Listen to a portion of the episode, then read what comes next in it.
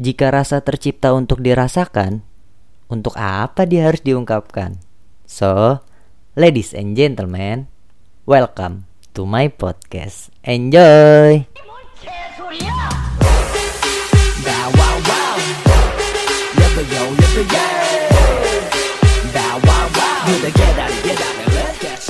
What's up everybody? Somebody, someone like you. Balik lagi nih bareng gua Bol di buka obrolan lagi.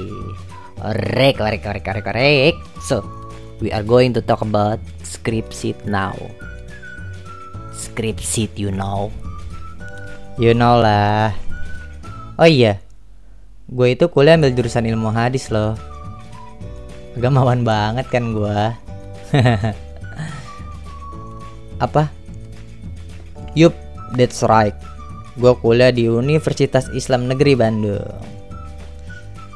Sampai sekarang gue belum lulus, dikarenakan ada beberapa persyaratan yang harus gue selesaikan. Ya, gue sih pengen berbagi kisah, berbagi kenangan, dan buat kawan-kawan yang sedang mendengarkan, mudah-mudahan bisa ngambil pelajaran yang baik dan buang yang buruknya. Yang pertama pengen gue omongin itu kendala skripsi. Berawal dari hambatan kali ya. Hambatan itu kan ada banyak faktor nih. Salah satu faktornya biasanya dari dosen pembimbing ya kan. Iya nggak sih? Iya dong. Nah, beberapa kawan-kawan gue banyak banget yang hampir putus asa dalam menghadapi dosen pembimbingnya. Ditambah situasi sekarang yang mengharuskan aktivitas akademik secara daring. Bol, ini gimana? Dosen gue susah dihubungin. Anjir lah, dosen gue kagak pakai WhatsApp lagi. Bol, cek mana kumaha lamun aing ke Bandung ya. Terus terus ada lagi yang kayak gini. Ada lagi teman gue yang curhat ketika dia menghadapi dosen pembimbing yang kemudian. Misalnya hari ini lu bimbingan bab 1, bab 2, bab 3 sampai bab akhir, bab 4 kan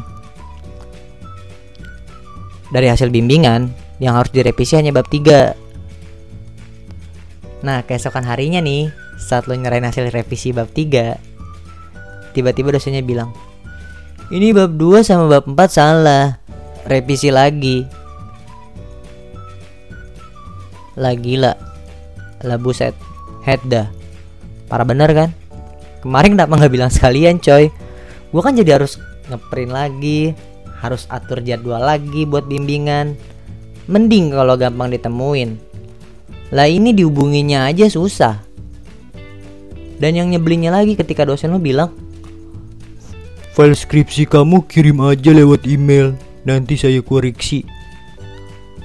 Terus dengan polosnya lu ngirim email, nungguin balasan dari dosen pembimbing lu. Oke lah, 4 sampai 5 hari lu nungguin terus lu buka lagi email lu tapi kok belum ada balasan juga. Sampai akhirnya lu memutuskan buat kontak dosennya lagi. Bu pak gimana nih skripsi saya? Hmm, ibunya dengan santuy ngomong apa? Oh iya ibu belum sempet baca. Ibu baca dulu ya. Besok ibu kirim. Fucek. Fucek gak sih berapa banyak waktu lu yang kebuang cuma buat persyaratan administrasi? Berapa banyak lagi hal yang harus lu korbanin buat menyelesaikan tuntutan gelar? Tapi lo bisa apa? Ini memang dinamika kehidupan. Ketika lu pengen buah mangga ya lu harus manjat pohon dan lu harus siap jatuh sebagai konsekuensinya. Gak ada yang instan di dunia ini Hal ini pun berlaku di dunia akademik.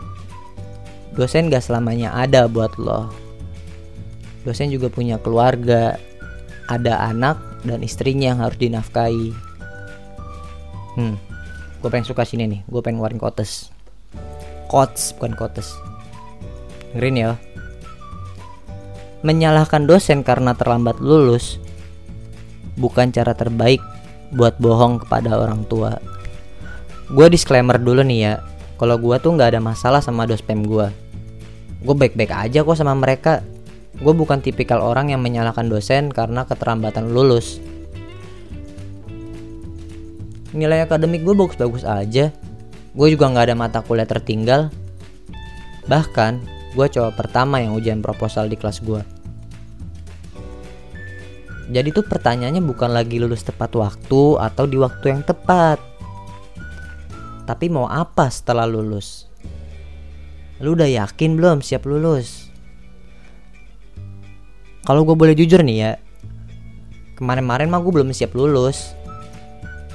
Bukan karena faktor dosen, tapi karena faktor lain. Nantilah kita bahas di episode ketiga faktor apa yang ngebuat gue lulus telat.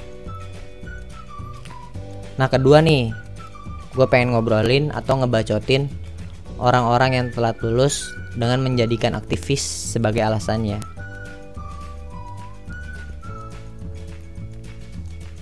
Satu kecenderungan yang sering gue temuin tentang kegagalan lulus tepat waktu adalah kebiasaan menyalahkan organisasi atau orang sekitar atas kegagalan yang sedang dihadapi. Jangan ikut organisasi, nanti lulusnya lama.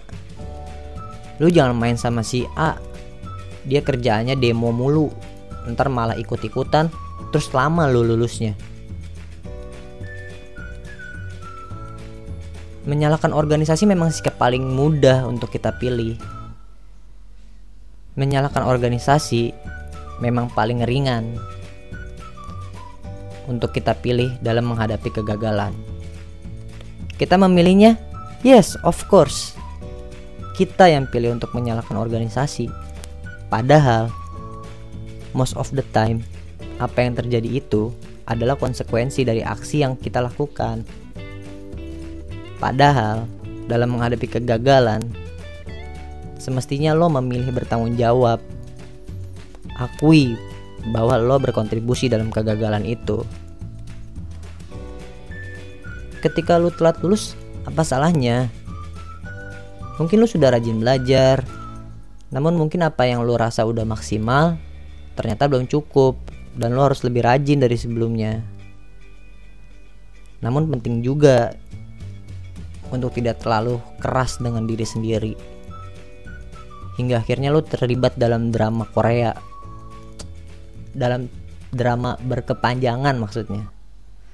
Seolah-olah lulus tep seolah-olah lulus tidak tepat waktu adalah akhir dari hidup lo.